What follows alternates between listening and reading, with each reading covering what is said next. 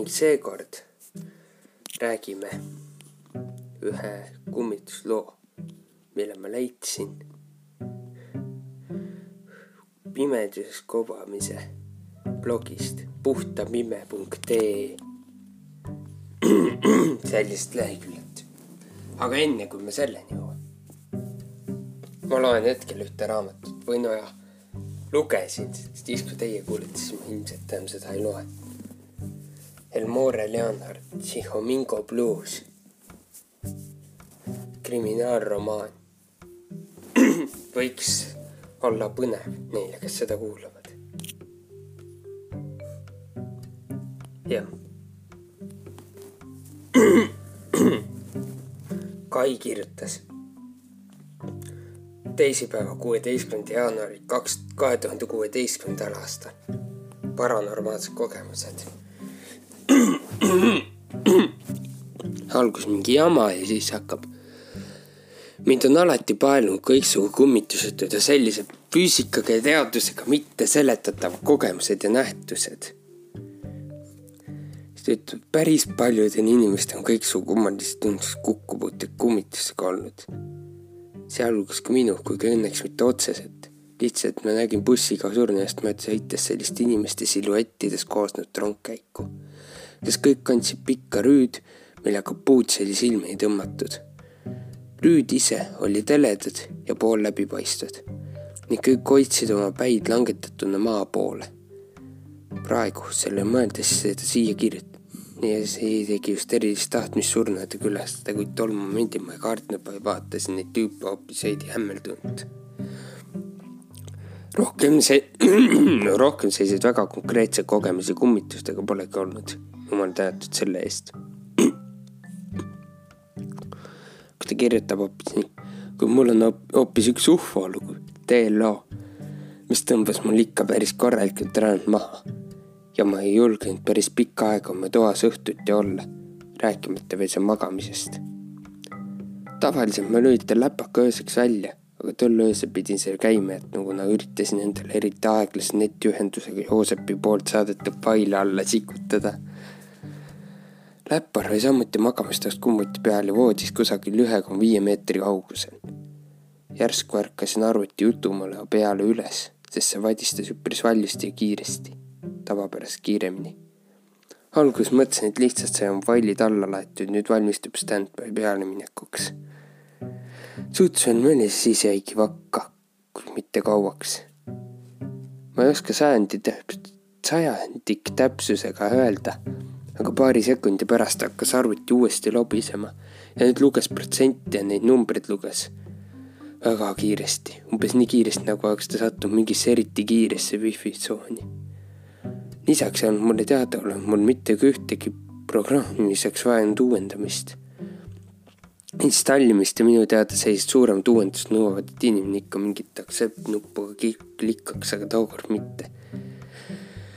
Kuna see möla oli ikka üpri, üpris valju ja öises vaikses majas kostus see eriti hästi, siis mõtlesin, et tõusen püsti ja teen selle shutdown'i. jõudsin selle mõtte ära mõelda, juba mõtleski valmistasin teki pealt ära lükkama kui mu keha täiesti liikumisvõimetuks muutus, unehalvatus. silmad olid mul kinni. jäin halvatuna samasse asendisse, nagu ma ärgates olin ja tekk peal. Sel samal momendil, kui mu keha halvatuks muutus, läks tuba justkui valgeks.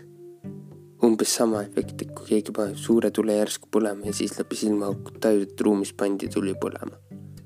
äkki mingi valge kera kogu tuli. see astraalkeha kellegist äkki jõudis kohale.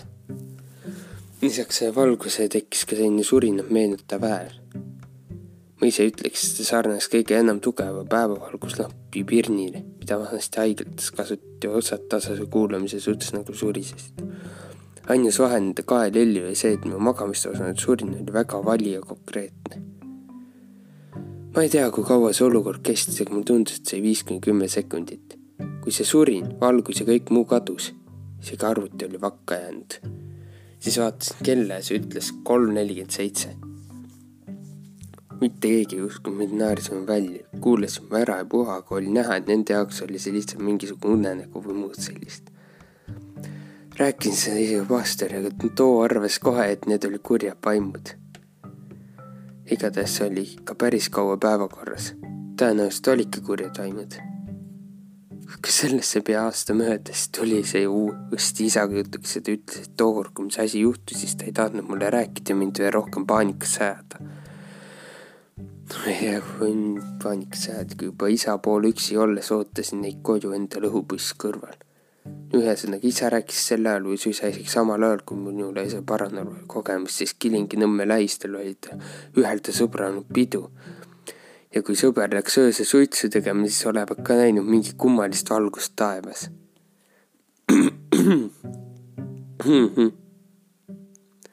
okei okay.. ütleb, et ta on ikka jah, Nõmmel elab selles Nõmmel. Hmm.. ei tea, kas ta on hea meel selle üle või mitte, ütleb ta siin veel, et ta seda nägi.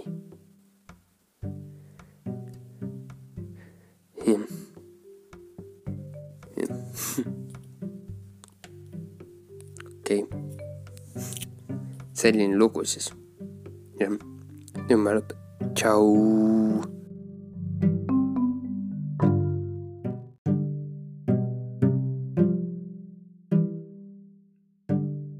nii ja nüüd ma räägin eelmise loo kommentaare. siin on see link avane. üks ütleb, et ta nüüd väga kardab ja siis mingi Kai kirjutab. ma tean, mida sa tunned. Ma alles hiljaaegu sattusin taas mingis kummitusest lugema just siis, kui olin üksi kodus. et laps küsis enam, et kes see onu seal ripub ja ta on nii kuri nägu pluss ema laulis lapse unelaulu ja kui toast väljus, kuulis keegi laulab seda laulu edasi. ema arvas, et laps teeb sellist häält, muud sellist ei hakanud tuppa tagasi minema. ja kui ta hommikul laps küsis, kas laulis õhtul endale unelaulu, siis laps ütles, et ei, aga see onu laulis talle. Ühesõnaga riputa enda küüslaug kaela ja tee voodi ümber soolaring. küüslaugu kohal ma ei oska öelda.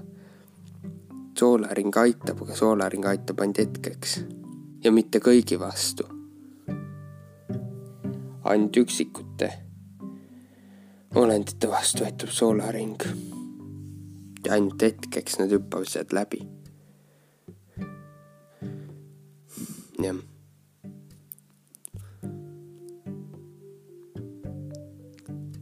Selline lugu soolaringiga. tšau.